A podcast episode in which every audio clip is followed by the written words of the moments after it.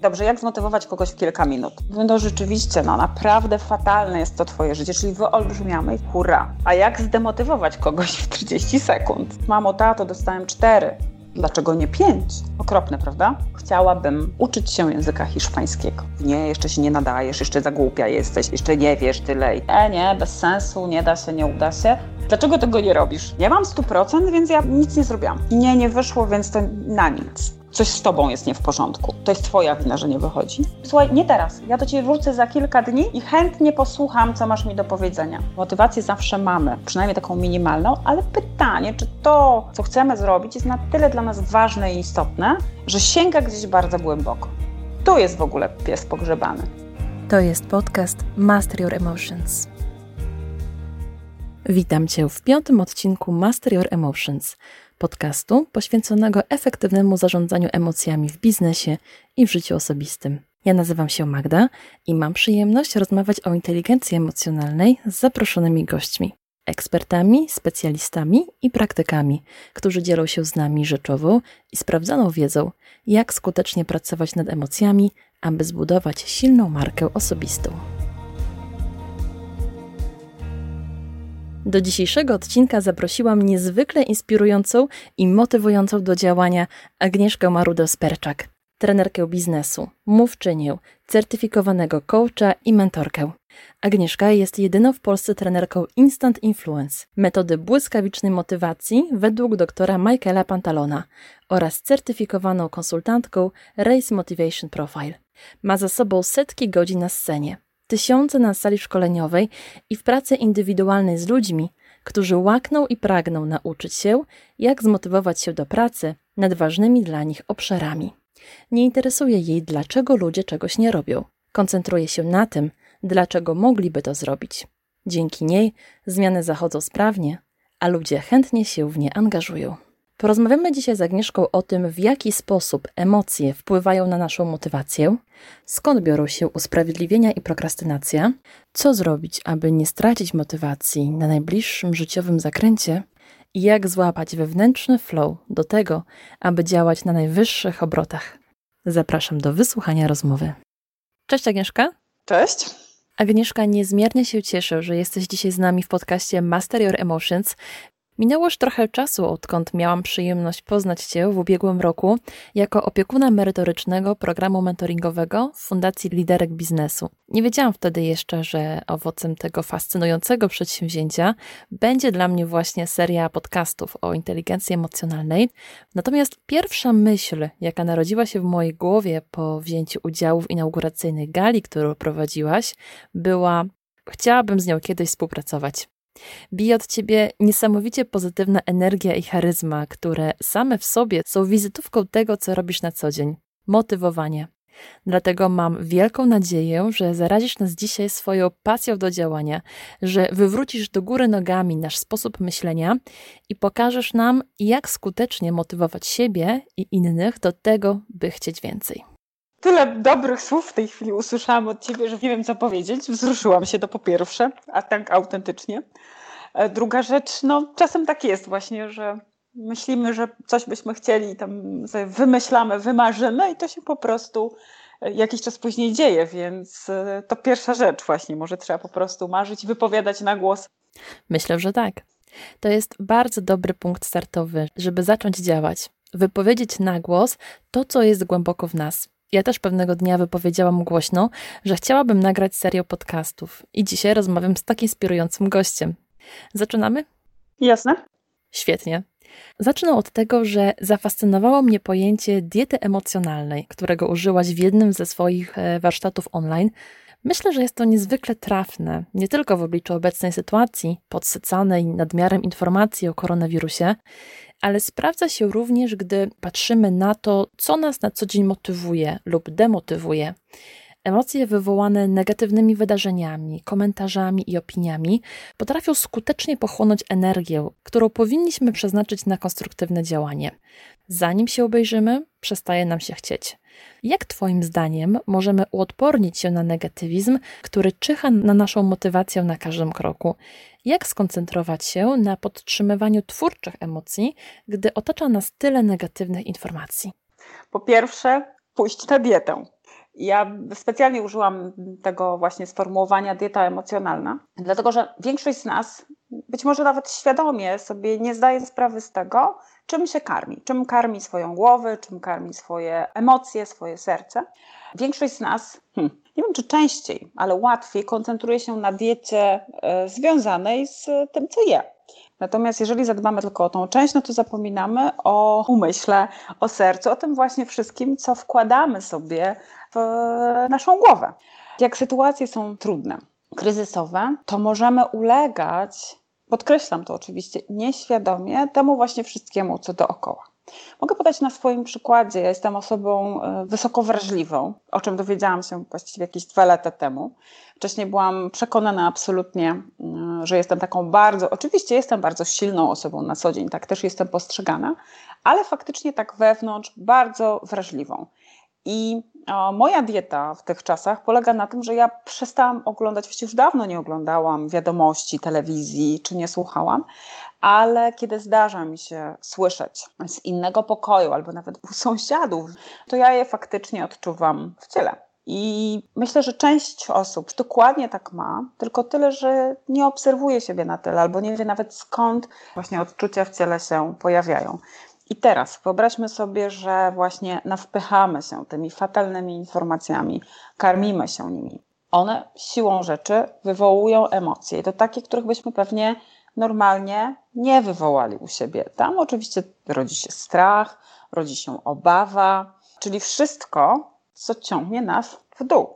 Gadzi mózg zaczyna dochodzić do głosu. Taka faza przetrwalnikowa nam się robi, ktoś wchodzi tam pod koc i, i to jest jeszcze pół biedy, bo może nabiera wtedy sił przynajmniej, ale część ludzi po prostu panikuje, ucieka, mm, gubi jasność myśli, no i w tym czasie jest po prostu trudno. Więc myślę, że pierwszym krokiem jest wyeliminowanie z tej diety takiej umysłowej czy emocjonalnej rzeczy, które nas po prostu trują. No bo jeżeli patrzymy na jedzenie, ok, ja wiem, że niektórzy jedzą fast foody, ale są osoby, które wybierają zdrowe jedzenie, ale już na pewno nikt nie je świadomie i z premedytacją zjełczałego masła albo, nie wiem, nieświeżego mięsa. Wszystkie informacje, które nas bombardują, one dokładnie takimi samymi toksynami są. Więc właśnie tu można zacząć. Pierwszy element diety.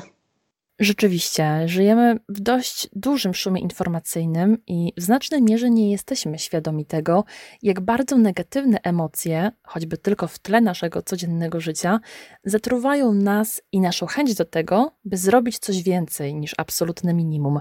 Tak jak mówisz, pierwszym krokiem jest zidentyfikowanie, które informacje lub rodzaj informacji nam szkodzi. To jest jeden element. Niemniej jednak istnieje jeszcze jeden bardzo silny czynnik oddziałujący na naszą motywację. Tym czynnikiem są inni ludzie. Wielu z nas jest otoczonych osobami, które we wszystkim, co się dzieje w ich życiu lub w naszym życiu, widzą kolor szary i nie są w stanie lub nie chcą zauważyć, że nawet szary kolor może mieć milion różnych odcieni. Co zrobić, aby ludzki pesymizm nie zniweczył naszej motywacji ani wysiłków, które wkładamy w ważne dla nas inicjatywy? To zabrzmi może nieco twardo i kontrowersyjnie, ale po prostu odciąć się od takich osób, to znaczy spędzać z nimi jak najmniej czasu. E, czasem to jest trudne, bo na przykład mogą to być członkowie w miarę bliskiej rodziny. No więc wtedy, jeżeli nie możemy się odciąć, to ja proponuję zwykle podejście prowokatywne. To znaczy, my zazwyczaj, kiedy mamy takie osoby, które no właśnie widzą ten kolor szary, być może są pesymistami, być może właśnie marudzą, staramy się przekonać, że jest inaczej. I to oczywiście nie zadziała nie ma szansy zadziałać, dlatego że te osoby są absolutnie przekonane, że ich świat jest w szarych kolorach i pewnie jest.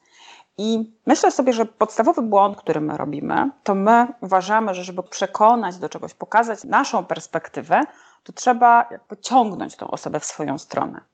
Sami nie potrafimy tej osoby zrozumieć, ale bardzo chcemy, żeby ona nas zrozumiała. Uważam, że to jest trochę nie fair. Poza tym każda zmiana zaczyna się też od nas. I zrozumienie tego, że ta osoba siedzi w tych szarych barwach, to już jest e, jakiś taki pierwszy krok do tego, żeby ta osoba w ogóle chciała z nami pogadać. A my albo uciekamy od tego, co mówię, czasem się udaje, a czasem właśnie nie. I dopiero kiedy my rozumiemy tę osobę, że ona z jakichś powodów ma prawo się tak czuć. Ona jest po prostu na tak zwanym etapie życie jest do niczego. I żeby ona zrozumiała, że, że jest inaczej, to po pierwsze potrzebujemy mówić trochę jej językiem, przyznać jej rację w jej świecie. Czasem można to przejaskrawić wręcz, czyli tutaj wchodzi takie podejście prowokatywne od Franka Fareliego, który jest autorem tego podejścia, gdzie my przejaskrawiamy, to mówimy, no rzeczywiście, no naprawdę fatalne jest to twoje życie, czyli wyolbrzymiamy i wtedy ta osoba ma szansę w ogóle zobaczyć, że może jest trochę inaczej, że może to jest pewnego rodzaju absurd, ale na pewno przekonywanie tej osoby, że jest inaczej, nie przynosi rezultatu. Zwykle spotykam się z tym, że ktoś myśląc o motywacji, czy motywowaniu siebie albo innych do czegokolwiek, zazwyczaj myśli o namawianiu.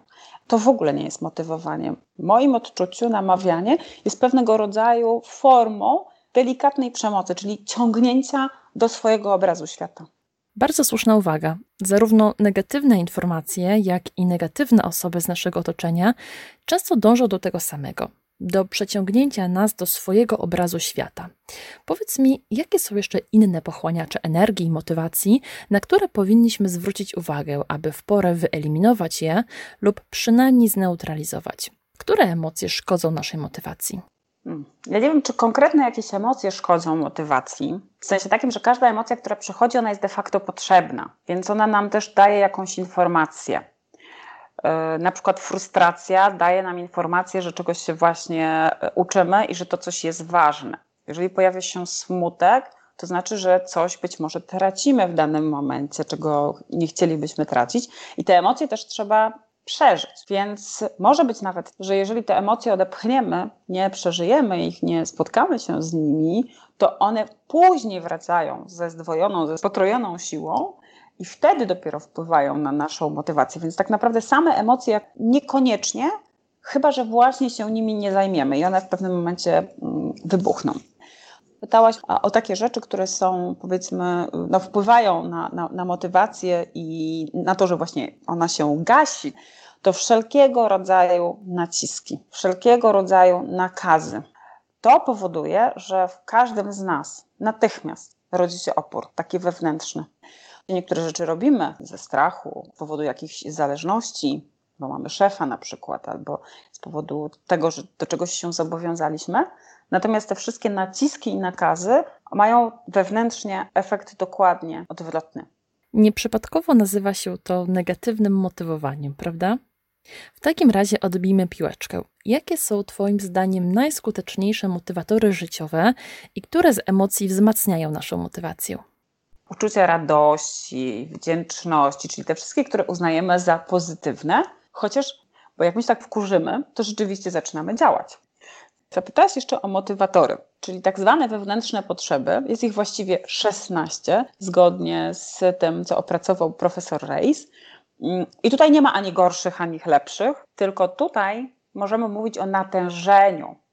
Żeby zobrazować, o czym mówię, to wezmę tutaj, że tak powiem, jeden z e, motywatorów, mm, to jest potrzeba uznania.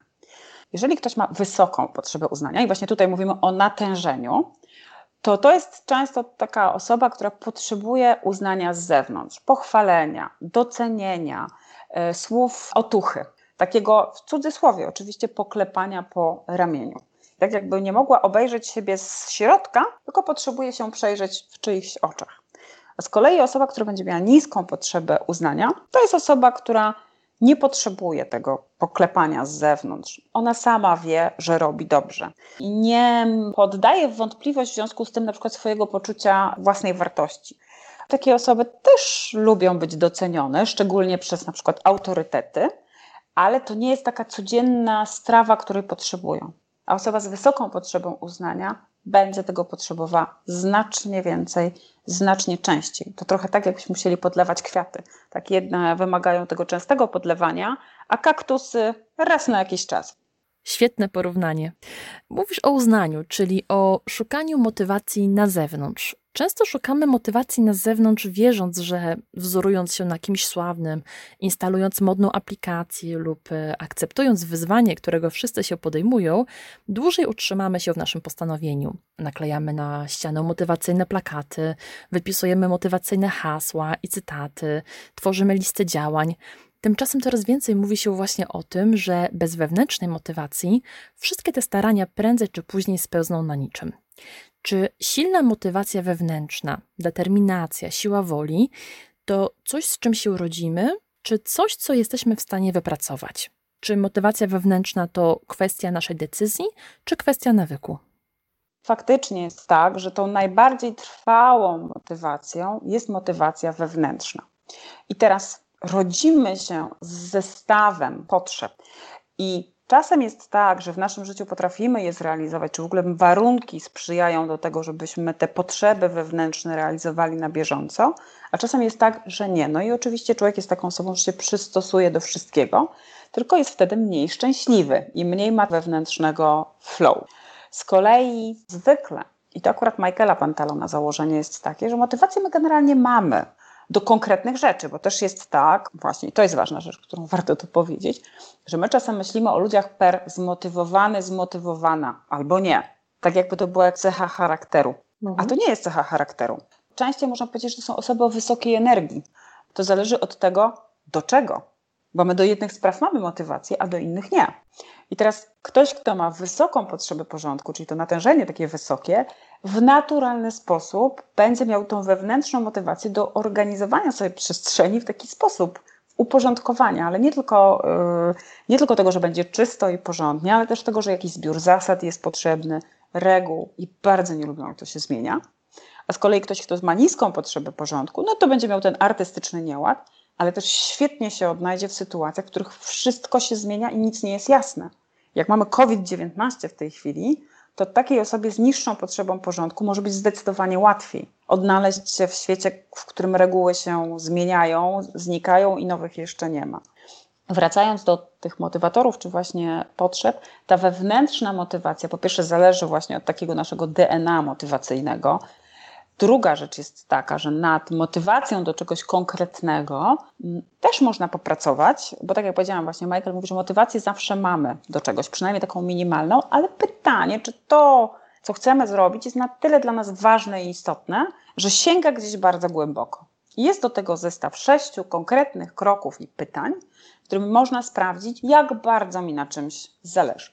To może dotyczyć dowolnego obszaru, ale wtedy konkretna jest ta motywacja do czegoś, do codziennego wstawania o, o konkretnej, na przykład określonej godzinie, do tego, żeby uczyć się jakiegoś nowego języka. I czasem mówimy o tym, myślimy tak, dobra, chciałbym, chciałabym na przykład, niech będzie, uczyć się języka hiszpańskiego. Okej, okay. a od kogo to zależy, czy ty się będziesz uczyć, czy nie? Tu jest w ogóle pies pogrzebany, że czasem myślimy o tym, że od miliona różnych rzeczy, od rodziny, od pracy, są takie rzeczy, które w 100% zależą od nas, ale też od tego, czy my podejmujemy decyzję, że faktycznie się tego angielskiego, czy tam hiszpańskiego, przepraszam, uczymy, czy nie. A potem szukamy, czy nam naprawdę na tym zależy, albo co wewnątrz może nas pchnąć do tego.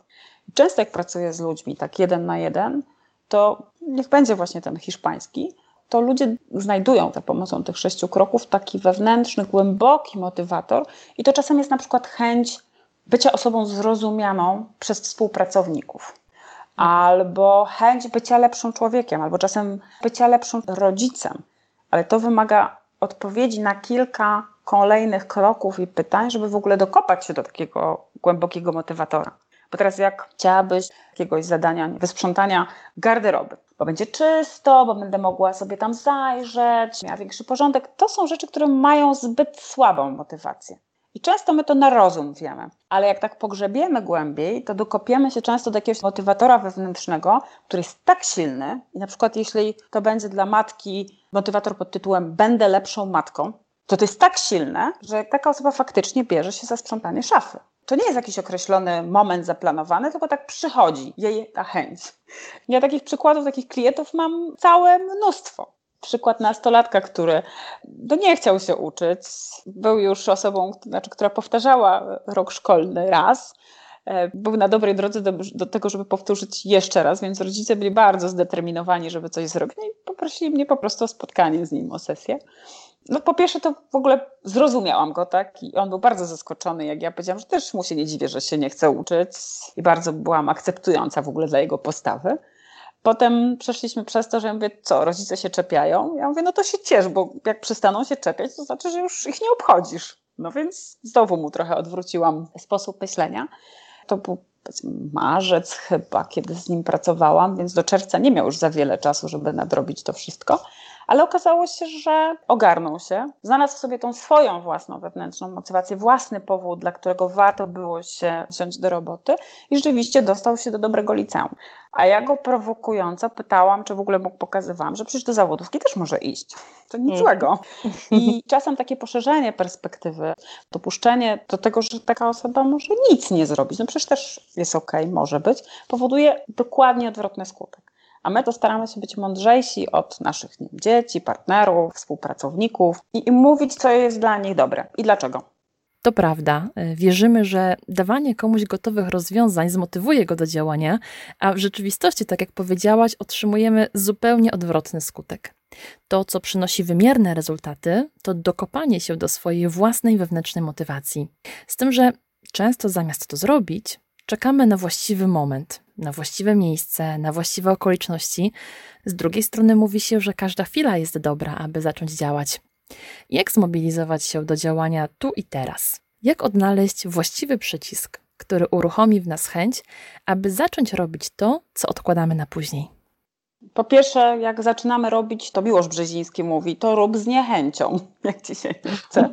Faktycznie, skoro mi się nie chce, a potrzebuję coś zrobić, no to zaczynam z niechęcią, a potem już wpadamy w jakiś rytm i rzeczywiście robimy. Czasem jest to kwestia ustawienia sobie tego, że codziennie przez jakiś konkretny czas e, robimy i na początku faktycznie przychodzi nam to z trudem, a potem po kilkunastu dniach jest już nawykiem i wchodzi nam to w krew. Czasem jest też tak, że faktycznie nie jesteśmy na coś gotowi, tak wewnętrznie, że to nie jest dany moment, dany czas. Bardzo lubię takie powiedzenie, że mistrz pojawia się wtedy, kiedy uczeń jest gotowy. I kiedy my jesteśmy gotowi na coś, to my potrafimy już wiele rzeczy zrobić. Czyli często nagle sprzyjają nam okoliczności, pojawiają się właściwi ludzie na naszej drodze i wtedy robimy. Myślę sobie tak, że jeżeli ktoś ma takie poczucie, że jeszcze nie, ale nie takie z głowy, tak? Z takiego myślenia, że tam siedzi nam na ramieniu taki ten mówi, nie, jeszcze się nie nadajesz, jeszcze za głupia jesteś, jeszcze nie wiesz tyle i tak dalej, czekaj, czekaj. Nie. Ale tak z serca, że po prostu wiesz, że to jeszcze nie ten czas, to wtedy być może nie jest ten czas. Ale jeżeli właśnie czujesz wewnętrznie, że, że to jest ten czas, warto się wtedy faktycznie nawet z niechęcią za pewne rzeczy zabrać i sprawdzić, co się stanie, bo może warto sobie powiedzieć też to, że czas i tak upłynie. Czasem może być tak, że my naprawdę czegoś nie chcemy, tylko tak sobie myślimy, że fajnie by było. I tu dochodzimy jeszcze do tego, że warto rozpoznać, czy te chcenia i pragnienia to są nasze, czy one są nie nasze. Bo jeśli coś wypada, albo dobrze by było już na tym etapie życia, to pewnie to nie jest nasze. I nic mhm. dziwnego, że my się za to nie zabieramy. Tutaj dochodzimy do czegoś takiego, co się nazywa ekologia celu nie w sensie tam spalania y, niskiego, e, jeśli chodzi o samochód albo segregowania śmieci, tylko znowu wewnętrznie, czy to jest zgodne z moimi wartościami, z moimi potrzebami, czy to jest moje. Jak nie jest, to będziemy się sabotować okrutnie. Więc jak się nie zabierasz za coś, to sprawdź, czy na pewno to jest Twoje. Bardzo trafna myśl. Zatrzymam się jeszcze na chwilę przy tym, co powiedziałaś o zabraniu się do działania, nawet jeśli na początku pojawia się w nas niechęć. W wielu przypadkach naszym początkowym działaniom towarzyszy ogromna ekscytacja i zapał do pracy, który mija równie szybko, jak się pojawia. Potocznie nazywamy to słomianym zapałem. W jaki sposób przygotować swoją motywację przed rozpoczęciem działania, aby nie zawrócić na pierwszym zakręcie, aby nasz start nie okazał się falstartem? Czy uważasz, że słomiany zapał to jakiś rodzaj emocji, który możemy zmienić? Czy jest to postawa, którą reprezentujemy? Do niektórych rzeczy mamy słomiany zapał, a do innych nie. Scenariusze mogą być różne. Albo tam, gdzie jest słomiany zapał, to znowu może być nieekologiczne, albo niezgodne z nami, albo niezgodne z naszymi potrzebami. Czasem jest tak, że my właśnie kogoś coś podziwiamy i chcielibyśmy tak samo, a to też nie jest nasze, więc się zapalamy i spalamy. Czasem jest tak, że my zaczynamy, robimy, ale oczekujemy od siebie 100% od razu na początku. Mhm. I tutaj przejdę do, do konkretnego przykładu z jednej firmy, gdzie prowadziłam właśnie warsztaty z metody Instant Influence. Były to dwa dni w odstępie miesiąca. Więc uczestnicy, że tak powiem, na tym pierwszym warsztacie uczyli się metody, wyznaczali sobie cel, przeszliśmy przez wszystkie kolejne kroki i ich zadaniem przez ten miesiąc było to właśnie, żeby wdrożyć w życie jedną rzecz. Ktoś nam chciał przeczytać książkę, ktoś chciał więcej trenować, zmodyfikować coś w swoim żywieniu. No i co ciekawego zdarzyło się po miesiącu. Po miesiącu, jak się spotkaliśmy, co było, tu specjalnie użyję słowa strasznego, 100%. Było przekonane, że im nie poszło. Mhm. Jak zaczęłam rozmawiać jeden na jeden, ale na forum grupy, to okazało się, że każda z tych osób całkiem sporo zrobiła. Część zrobiła połowę, część zrobiła 75%. Ktoś ćwiczenia fizyczne, ale się rozchorował w międzyczasie i zrobił tylko połowę z tego wszystkiego. Jak na dłoni zobaczyłam to, że ludzie oczekiwali od siebie większych rezultatów niż mogli dostarczyć i poddawali się już byli zrezygnowani, bo sobie nie, nie wyszło, więc to na nic.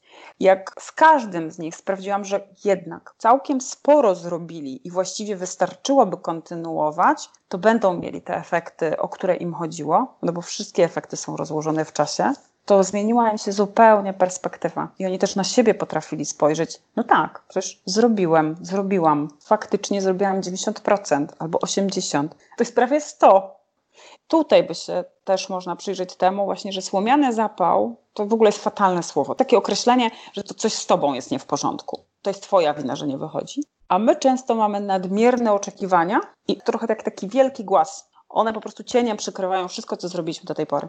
Dokładnie. Część z nas poddaje się, gdy nie widzi natychmiastowych rezultatów. Część z nas poddaje się już, gdy po pierwszych próbach nie widzi 100% na liczniku. Wszyscy prawie oczekujemy, przepraszam, że wchodzę Ci w słowo, ale zobacz, jak mamy skonstruowany, czy mieliśmy system edukacji. Uczniowie oceny dobrej już nie uważają za dobrą. Dobrą oceną stała się bardzo dobra albo celująca. W momencie, kiedy podnosimy sobie poprzeczkę kompletnie nieracjonalnie, to tutaj też mieszka demotywacja.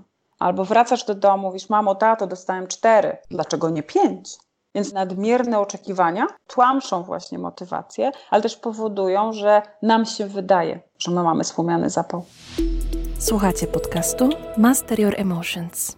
Bardzo ciekawie ujęłaś ten temat i muszę przyznać, że daje mi to zupełnie inne spojrzenie na kwestie związane ze słomianym zapałem, zwłaszcza, że sama do tej pory uznawałam go za pewien element swojego życia. E, spójrzmy teraz na kolejny aspekt problematyki motywacji.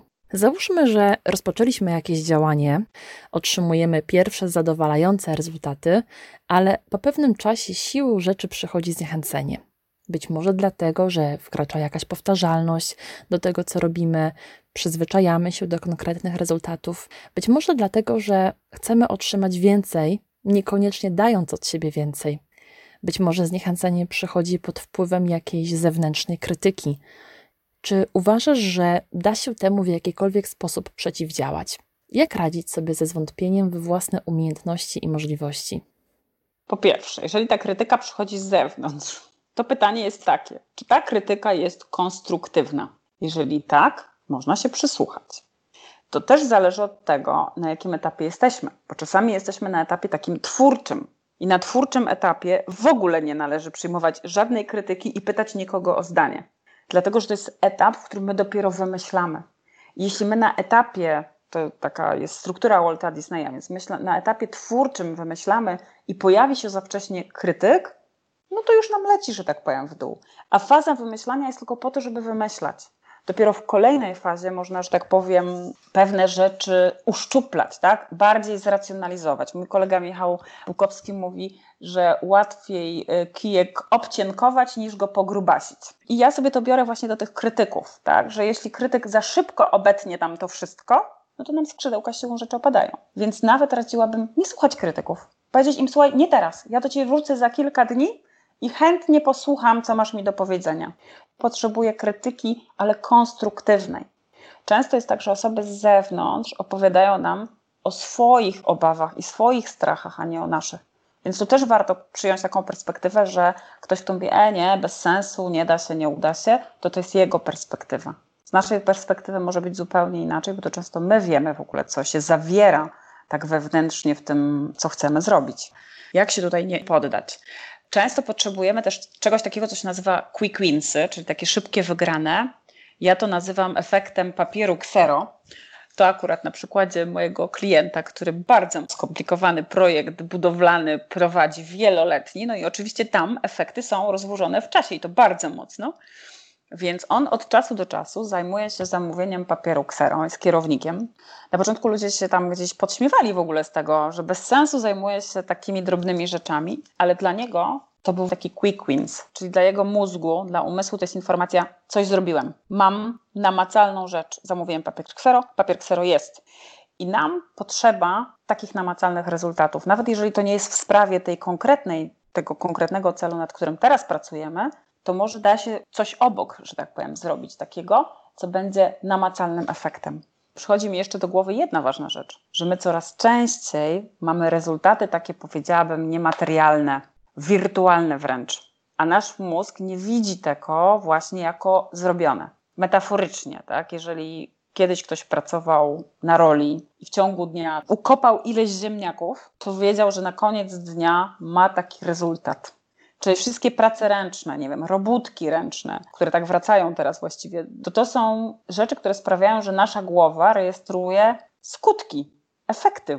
Bo je widzimy. Tak jest, bo tak jak teraz mamy pracę zdalną, część naszej pracy to jest część czegoś większego, gdzie my nie widzimy tych efektów całościowych i tu jest trudno.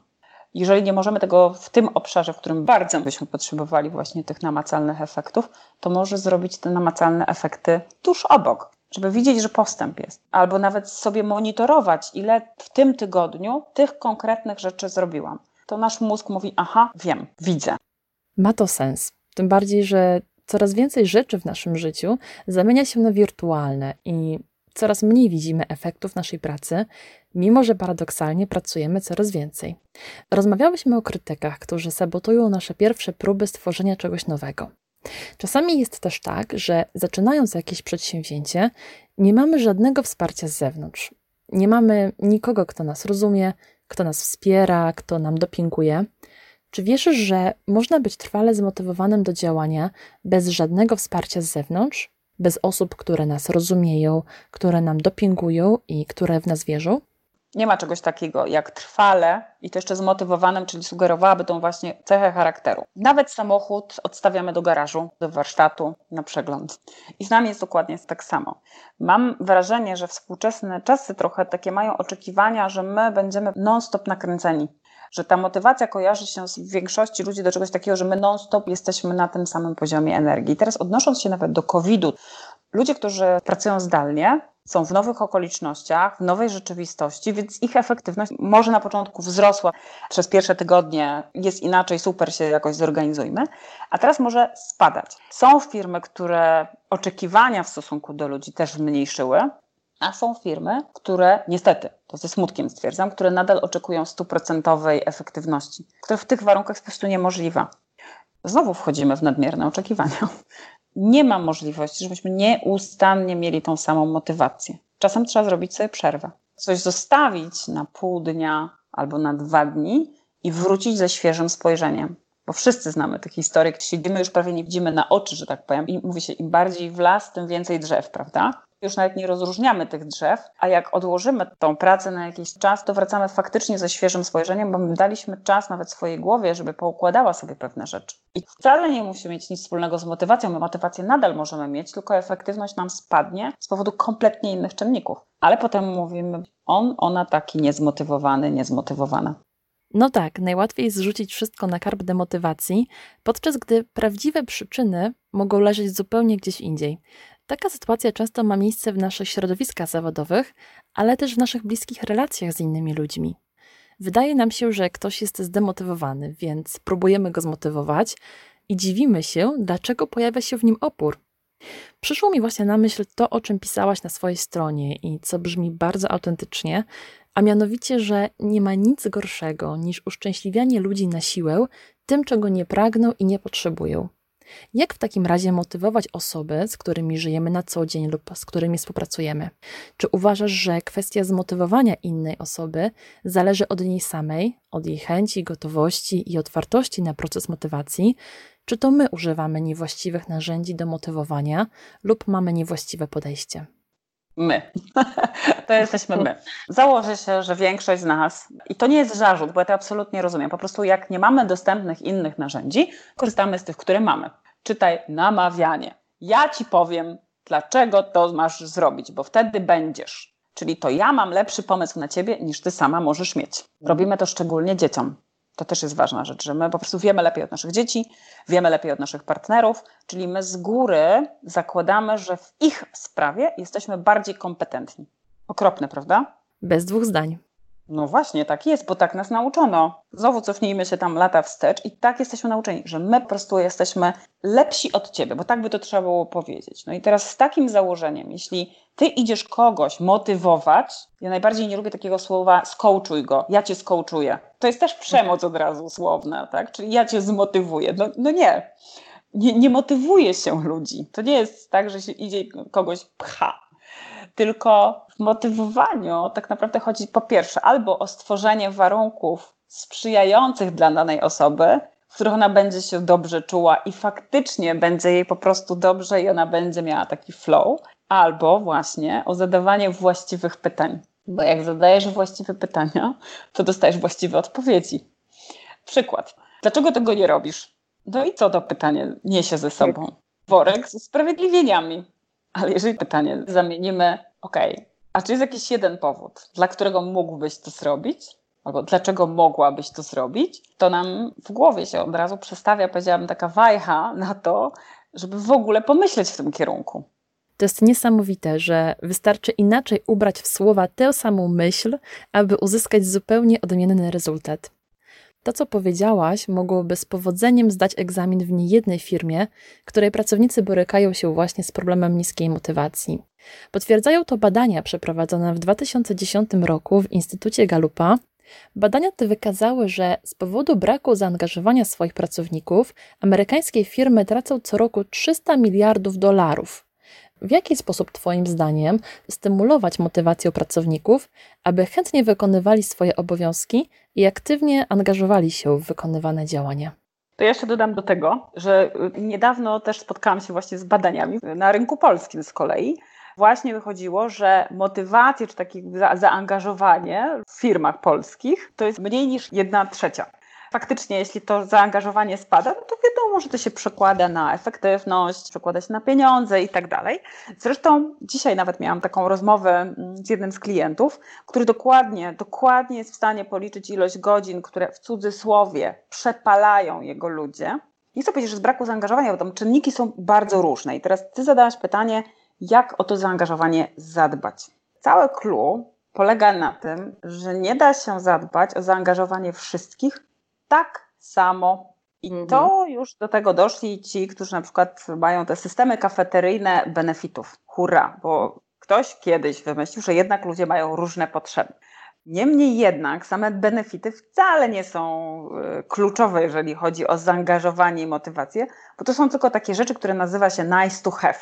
I oczywiście dużo firm poszło w ogóle w licytowanie się prawie, że na temat tego, kto ma lepszy pakiet benefitów. No ale jeżeli ktoś się skupia na tym, że będzie miał fajny benefit, ale tak naprawdę atmosfera w pracy będzie fatalna, albo będzie źle oceniany, albo będzie miał szefa, który nie docenia jego pracy, albo nie, nie mówi o tym, to dokładanie takich dodatkowych elementów wcale nie spowoduje, że ktoś będzie bardziej zaangażowany, wręcz przeciwnie. E, ja, jak byłam u Michaela Pantalona na szkoleniu, to on powiedział bardzo fajną jedną rzecz, bo czasem ktoś zadaje takie pytanie, dobrze, jak zmotywować kogoś w kilka minut? A on mówi, a jak zdemotywować kogoś w 30 sekund? Czasem my jesteśmy w stanie ludzi zdemotywować i podciąć im skrzydła dużo szybciej. Często nawet menedżerowie sobie nie zdają sprawy z tego, co obcina skrzydła ich ludziom i wielokrotnie mówią właśnie, że nie są zrozumiani, że szefostwo ich nie rozumie, nie mają przestrzeni do tego, żeby mm, się na przykład rozwijać. I to słowo jest znowu bardzo głębokie, bo dla każdego to rozwijanie się może być czymś innym. Jeżeli ja znam motywację swoich ludzi, czyli potrzeby wewnętrzne, i wiem, co jest dla nich ważne, to mogę tworzyć im takie warunki, które spowodują, że oni będą w takim stanie produktywnego flow takiej produktywnej przyjemności, szczęścia nawet. Oczywiście polska mentalność często mówi, tak, ludzie mają być szczęśliwi, mają po prostu robić swoje. Zaangażowanie właśnie zwiększa się wtedy, kiedy ludzie mają takie poczucie przyjemności z pracy, tego, że ona im sprawia przyjemność. Bo jednego będzie rajcowało poszukiwanie trzech groszy w tabelkach, bo mam taką znajomą, która po prostu jest podekscytowana, kiedy ona w końcu znajdzie i jej się zgadza, ale dla innej osoby to się może wydawać totalną abstrakcją bo ją będzie kręciło coś zupełnie innego. Przykład jednej z firm, gdzie okazało się, że w całej sieci ogólnopolskiej menedżerowie, z którymi zarząd regularnie się spotykał, mają podwyższoną potrzebę delektowania się jedzeniem. Spotkania powinny odbywać się przy A. dobrej kawie, coś powinno być, jakaś przekąska, nie wiem, lunch, to nie muszą być ciastka, to mogą być, nie wiem, owoce, coś takiego, co robi tą atmosferę. Ale zarząd tego wcześniej nie wiedział, a sam ma obniżoną potrzebę delektowania się jedzeniem. I na tym tle oczywiście dochodziło do nieporozumień. Nie wiadomo było świadomie, że to jest jedna z przyczyn, ale te spotkania były zwykle trudne. To było my, oni, tak? Było takie forsowanie, trochę przepychanie się. Takie sytuacje mają miejsce właśnie wtedy, kiedy mierzymy innych swoją miarą. A ty bardzo dużo mówisz o tym, że aby wiedzieć, czym motywować, musimy najpierw poznać drugą osobę, do czego pragnie, do czego dąży i co jest dla niej ważne. W kontekście zawodowym mówisz też o tym, żeby dopasować odpowiedni sposób motywacji do każdego pracownika, prawda? A no właśnie. Tutaj właśnie zadziała się taka rzecz magiczna, że wystarczyło wprowadzić właśnie te przekąski, czyli stworzyć inną atmosferę, która dla tych ludzi była kluczowa. I oczywiście to nie jest tak, że rozwiązali wszystkie problemy tego świata, ale stworzyli przestrzeń przyjazną dla ludzi, którzy mają odmienne potrzeby. Może nie zawsze trzeba robić wszystkim testy, tylko po prostu posłuchać ludzi, ich poobserwować, dowiedzieć się, czego potrzebują, tak wewnętrznie. I teraz, jeżeli te warunki są sprzyjające, to trochę tak metaforycznie, ryba jak pływa w wodzie, to ona nie wie, że pływa w wodzie. Ona po prostu w niej wpływa. Narzędzia związane z motywacją czy odkrywaniem tego DNA motywacyjnego, one pozwalają kreować taki zbiornik właśnie z wodą, tylko każdy ma inny. Jeden będzie potrzebował większego zasolenia, inny z kolei raczej jest, powiedziałam, rybą słodkowodną. I w tym momencie, jeśli te rybki pływają we właściwych wodach, to robią to z dużą przyjemnością i efektywnością. A jeżeli ta woda jest niewłaściwa, pierwsza rzecz, jaką się ludzie zajmują, to przetrwaniem, a nie efektywnym zajmowaniem się tym, co prowadzi ich do sukcesu i do działania. Najpierw trzeba przetrwać. Oczywiście. Myślę, że taką kluczową konkluzją tego, co przed chwilą powiedziałaś, jest to, że często staramy się motywować innych tym, co nas motywuje. Wierzymy, że wszyscy jesteśmy tacy sami, że tak samo czujemy, tak samo odbieramy świat. Handlowcy to robią jak dobry handlowiec, ktoś, kto sprzedaje, rozpoznaje dobrze potrzeby, a potrzeby to są właśnie te motywatory, to jest w stanie sprzedać każdemu. Dobry produkt oczywiście, tak? Czy dobrą usługę. A są tacy handlowcy, którzy jak trafią na swojego, to im idzie dobrze. Jak trafią na klienta o innych potrzebach, no to nie są w stanie sprzedać to, co sami cenią. Tak, to jest bardzo dobry przykład tego, że wrzucanie wszystkich do jednego worka często kończy się fiaskiem, zwłaszcza w realiach współczesnego biznesu. Przejdźmy do wisienki na naszym dzisiejszym motywacyjnym torcie, czyli do dwóch fascynujących metod, w których się specjalizujesz. Czytamy na Twojej stronie, że wystarczy 7 do 10 minut, aby przejść od nie mogę, nie chcę, nie potrafię do zrobię to, a mój kolejny krok to. Brzmi jak magiczna recepta. Mowa o Instant Influence, o metodzie, która może skutkować wzrostem skuteczności motywowania aż o 250%. Opowiedz nam proszę więcej o tej metodzie, jak wprowadzić ją w życie i jak wykorzystać ją do przemiany naszych nawyków motywacyjnych. Ona jest z jednej strony prosta, ale jak wszystko co proste, niekoniecznie musi być łatwa. To znaczy, łatwa będzie dla osób, które poznają ją dość dobrze i nie tylko przeczytają sześć pytań w książce i sobie tam, że tak powiem, je odpękają i powiedzą, nie, to nie działa. Wydaje się magiczną różdżką, a tak naprawdę jest zgodna z tym, w jaki sposób funkcjonuje nasz mózg. Czyli go nie przestrasza. to pierwsza rzecz. Bo jeżeli kogoś chcemy do czegoś zachęcić, to ważna rzecz, żeby go nie przestraszyć, czyli go nie zmuszać do czegoś. To jest autonomia czyli niezależność, poszanowanie niezależności swojej albo drugiej osoby. Bo teraz, jeżeli ja pracuję tą metodą ze sobą samą, to pierwsza i najważniejsza rzecz jest taka, uznać, że ja naprawdę nic nie muszę, ale mogę. Bo jeżeli ja tylko myślę, że muszę, Sam fakt, że tak myślę, powoduje opór. I to jest czasem trudne dla ludzi. Dlatego mówię, że metoda jest prosta, ale niełatwa. Tak się właśnie przyjęło mówić, że to, co proste, jest najtrudniejsze. Generalnie życie jest bardzo proste, tylko niekoniecznie właśnie łatwe. I tak mhm. samo, jeżeli chcemy coś od drugiej osoby, to zgoda we własnej głowie, tak wewnętrznie na to, że ta druga osoba jest niezależna ode mnie i ma prawo podejmować niezależne decyzje, jest najtrudniejsza. I pytanie, jakie ja dostaję od menedżerów, których uczę tej metody, to jest takie: no dobra, ale jak ja mogę powiedzieć mu, że nie musi tego robić, skoro ja musi to zrobić? A no właśnie. A robi? No nie. Co masz do stracenia? I dopiero wtedy zaczynamy budowanie tej przestrzeni, czyli ta autonomia jest szalenie ważna i bez niej zawsze będzie ucieczka. I teraz kolejne kroki czy kolejne pytania oparte są o pytanie dlaczego. Ale nie takie dlaczego właśnie jak wcześniej, dlaczego tego nie robisz, bo to jest pytanie, które nie buduje motywacji, ale o takie pytanie dlaczego, które szuka powodów, dla których pewne rzeczy warto zrobić. Tam jest też pytanie o gotowość do realizacji celu, wszystkie tak zwane racjonalne powody, czyli będziesz się na przykład ćwiczenia fizyczne. Zwykle działają, no bo będę się lepiej czuła, bo będę miała lepszą figurę, będę zdrowsza. I nie działa, prawda? Prawda. A no właśnie. No bo jakoś ludzie się nie zabierają do tego. Chyba w 2015 roku to było tak. Na konferencji miałam jednej opowiedzieć o tej metodzie i postanowiłam ją zrobić na przykładzie biegania. Bo w ogóle chciałam wrócić do biegania, od kilku lat nie biegałam.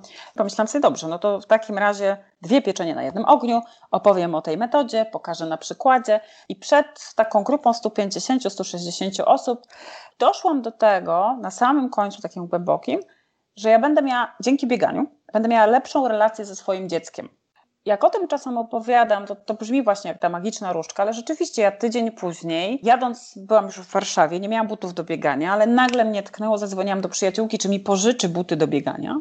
Po warsztatach, na których było bardzo intensywnie, kładliśmy się spać gdzieś o drugiej rano, ja wtedy byłam uczestnikiem. O godzinie ósmej rano zakładałam buty i biegłam pierwsze dwa kilometry. A potem zapisałam się na jakiś bieg, w Warszawie, a potem półtora roku później przebiegłam maraton w Nowym Jorku. I celem nie było przebiegnięcie maratonu, tylko dla mnie celem był powrót do biegania wtedy. I to, że ja tą wartość tak sobie odszukałam, to jest bardzo silna rzecz. To jest taki drive, który cię ciągnie. Michael tą metodą, bo to też warto powiedzieć, wyprowadza ludzi z uzależnień, czyli doszukuje się ważnego powodu. Pierwsze jest uznanie tej niezależności autonomii, że to ja mam wpływ na to, czy to zrobię, czy nie, i nie będę się usprawiedliwiać. Z dziećmi jest dokładnie tak samo. My ciągle na te dzieci tam jedziemy i mówimy im, co mają robić, a czasem wystarczy właśnie odpuścić, poszerzyć perspektywę i te dzieci często zrobią to dla siebie. Ewa Błaszczak, ja to od niej mam. PCIT. Po mhm. co im to? Albo PCMT, po co mi to? Mhm. To tak jak zachęca tytuł jednej z książek, którą aktualnie czytam, zaczynaj od dlaczego. Bardzo tkwiło mi w głowie też stwierdzenie, że aby umieć zmotywować siebie, trzeba najpierw poznać siebie. O tym właśnie mówi druga ze wspomnianych metod, czyli Race Motivation Profile.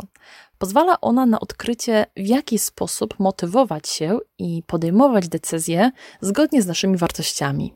Na czym polega z kolei ta metoda i jakie wartości charakteryzują silnie zmotywowaną osobę? To jest właśnie badanie, czyli to jest profilowanie, e, czyli sprawdzanie tego DNA motywacyjnego, gdzie mamy 16 motywatorów, ale o różnym natężeniu. Czyli to jest trochę tak, jakbyś miała odcisk palca, swój mhm. unikalny. Bo na przykład osoba kreatywna, o, osoba kreatywna to jest często osoba, która ma niską potrzebę honoru, czyli wywraca zasady do góry nogami.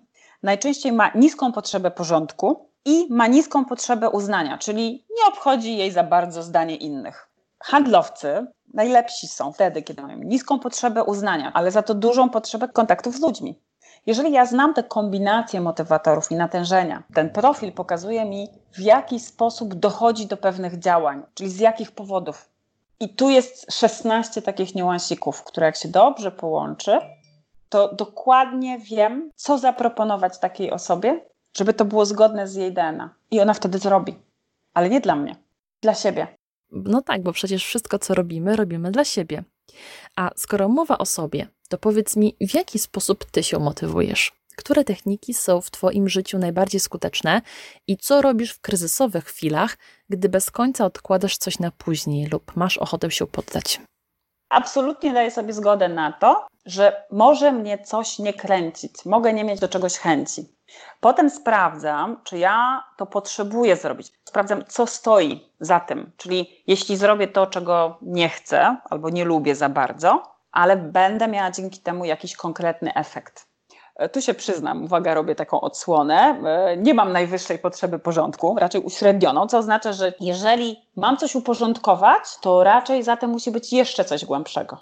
I na przykład moja aktywność fizyczna, czyli jak ostatnio tak było, odgruzuję piwnicę, to wyjmę rower i dzięki temu pojadę na ten rower. Ja patrzę, co jest silniejszego i to sobie ustawiam jako azymut. Po porządek wysoki nie jest wystarczająco mocnym motywatorem, ale już aktywność fizyczna jest dużo większym. Albo na przykład ciekawość. Bardzo lubię dowiadywać się różnych rzeczy, czytać, rozpoznawać, sprawdzać i tego sobie dostarczam na tyle, żeby było dla mnie interesujące i potem przechodzę do działania. Ja sobie też jak motywuję, motywuję się, czy szukam tej motywacji, to rzeczywiście zawsze sprawdzam, co mnie kręci, co w tym jest dla mnie. Nawet jeśli nie tu, to w efekcie, w finale. A jak mi się naprawdę nie chce, to po prostu odpoczywam. I daję sobie też prawo do nierobienia.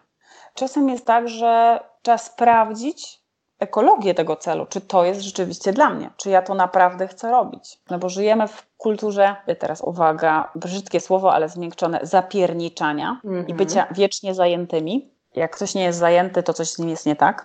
Ale jak jesteśmy wiecznie zajęci, to nie przychodzą dobre pomysły, nie przychodzą rozwiązania, bo one przyjdą wtedy, kiedy mamy wolną głowę. Bo im bardziej sami sobie tak batorzymy, tym mniej tej motywacji mamy, bo ona umiera pod wpływem naporu. Agnieszka, pięknie Ci dziękuję za bezcenną wiedzę, którą się z nami dzisiaj podzieliłaś i zastrzyk ogromnej motywacji, którą dostaliśmy dzięki Twoim inspirującym przemyśleniom. Takim ważnym przesłaniem, jakie możemy dzisiaj wynieść, to to, że nie musimy motywacji szukać daleko. Motywacja jest w nas i wszystko, czego potrzebujemy, aby utrzymać ją przez długi czas, również jest w nas. Musimy tylko wiedzieć, dlaczego chcemy coś zrobić, co chcemy osiągnąć i przypominać sobie o tym w kryzysowych momentach. A to, czego zdecydowanie powinniśmy się strzec, to nadmierne oczekiwania i porównywanie się z ludźmi, którzy tak naprawdę mogą mieć zupełnie inną ścieżkę niż nasza. To, co ja też wynoszę dla siebie dzisiaj z naszej rozmowy, to to, że motywacja nie zawsze jest kolorowa, nie zawsze jest pełna fajerwerków i optymizmu. Czasami motywacja wymaga, aby zrobić coś pomimo niechęci, która się w nas początkowo rodzi, jeśli to naprawdę jest dla nas ważne. Motywacja to ciągłe szukanie siebie i odpowiadanie sobie na pytanie, po co ja to robię. Agnieszka, gdybyś ty miała podsumować w kilku zdaniach to, o czym dzisiaj rozmawiałyśmy, co poradziłabyś osobom, którym zależy na odnalezieniu wewnętrznej motywacji, codziennym pielęgnowaniu jej i sprawieniu, aby utrzymała się jak najdłużej? Zmienić słowo muszę na potrzebuję chociażby, albo na mogę, chcę. Więc język. Nie zdajemy sobie do końca sprawy z tego, że ten język ma przeogromną siłę. Jak ktoś e, oglądał film o Freddie Mercury, to tam ojciec Frediego powtarza cały czas właściwie jedną taką kwestię: dobre myśli, dobre słowa, dobre czyny. To, co ty masz w głowie, przekłada się oczywiście na słowa, jakie wypowiadasz, a słowa się wiążą ściśle z działaniem bądź nie. Więc to jest taka rzecz. Uważać po prostu na, na myśli i modyfikować je. Pozbyć się poczucia winy, że czegoś nie zrobiliśmy. Zamienić też to poczucie winy na odpowiedzialność. Pamiętajcie, że żyjemy w takiej kulturze, gdzie to poczucie winy jest nam wtłaczane. Wolę, żebyśmy się czuli, nie wiem, odpowiedzialni. To prowadzi raczej e, do działania. Odczepić się od siebie na chwilę. Naprawdę, my nic nie musimy, bo my się strasznie czepiamy siebie albo innych ludzi. Jak coś chcemy od partnerów, od, od, e, od dzieci, to często właśnie żądamy. Ja sobie przypominam, że jak mój syn był kiedyś mniejszy i, i miał na podłodze rozsypane klocki Lego, a ja chciałam, żeby on to posprzątał. Zajrzałam do tego pokoju i powiedziałam, hmm, nie wiem, jak ci dzisiaj przeczytam na noc bajkę. No i on tak na mnie spojrzał zdziwiony. Ja mówię, zobacz, co tu jest na podłodze. Ja nie mam jak dojść do łóżka. Jak zajrzałam 4 czy 5 minut później do pokoju, to wszystkie klocki były rozsunięte na lewą i prawą stronę i miałam ścieżkę do łóżka. Odwołałam się do korzyści, ale nie mówiłam mu, co ma zrobić. Ja tylko wiedziałam, na czym mu zależy, prawda? Czyli na czytaniu bajki. I on sam znalazł sposób. Jak zaczniemy myśleć i się zastanawiać, co jest ważne dla mnie, jeżeli chodzi mi o moją własną motywację, albo myśleć, co jest ważne dla mojego partnera, dziecka, współpracownika. Dziękuję Ci jeszcze raz za Twoje wartościowe refleksje. Powiedz nam jeszcze na koniec, Agnieszka, gdyby ktoś chciał skontaktować się z Tobą, umówić na konsultację, wziąć udział w warsztatach lub szkoleniach, które organizujesz, w jaki sposób można Cię znaleźć? Najprościej na stronie agnieszka-maruda.pl można mnie też znaleźć na LinkedInie. Jest Agnieszka Maruda-Sperczak.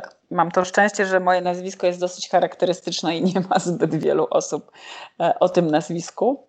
Można mnie też znaleźć e, na Facebooku, a jak już ktoś kompletnie zapomni o tym, to wystarczy naprawdę wpisać moje imię i nazwisko w wyszukiwarkę Google i też e, sporo linków, sporo miejsc się tam pojawi. Super, jeszcze raz ogromnie Ci dziękuję za poświęcony czas i za przyjęcie zaproszenia do podcastu Master Your Emotions. Dziękuję. Dziękuję Wam za wysłuchanie piątego podcastu Master Your Emotions. Zachęcam Was do podzielenia się swoimi przemyśleniami na adres mailowy podcast masteryouremotions.gmail.com oraz do regularnego odwiedzania strony www.masteryouremotions.pl, gdzie zachęcam do zasubskrybowania kanału z nowymi podcastami, jak również do polubienia mojej strony na Facebooku. Zapraszam do wysłuchania kolejnego podcastu, który ukaże się już niebawem. A tymczasem żegnam się z Wami i do usłyszenia.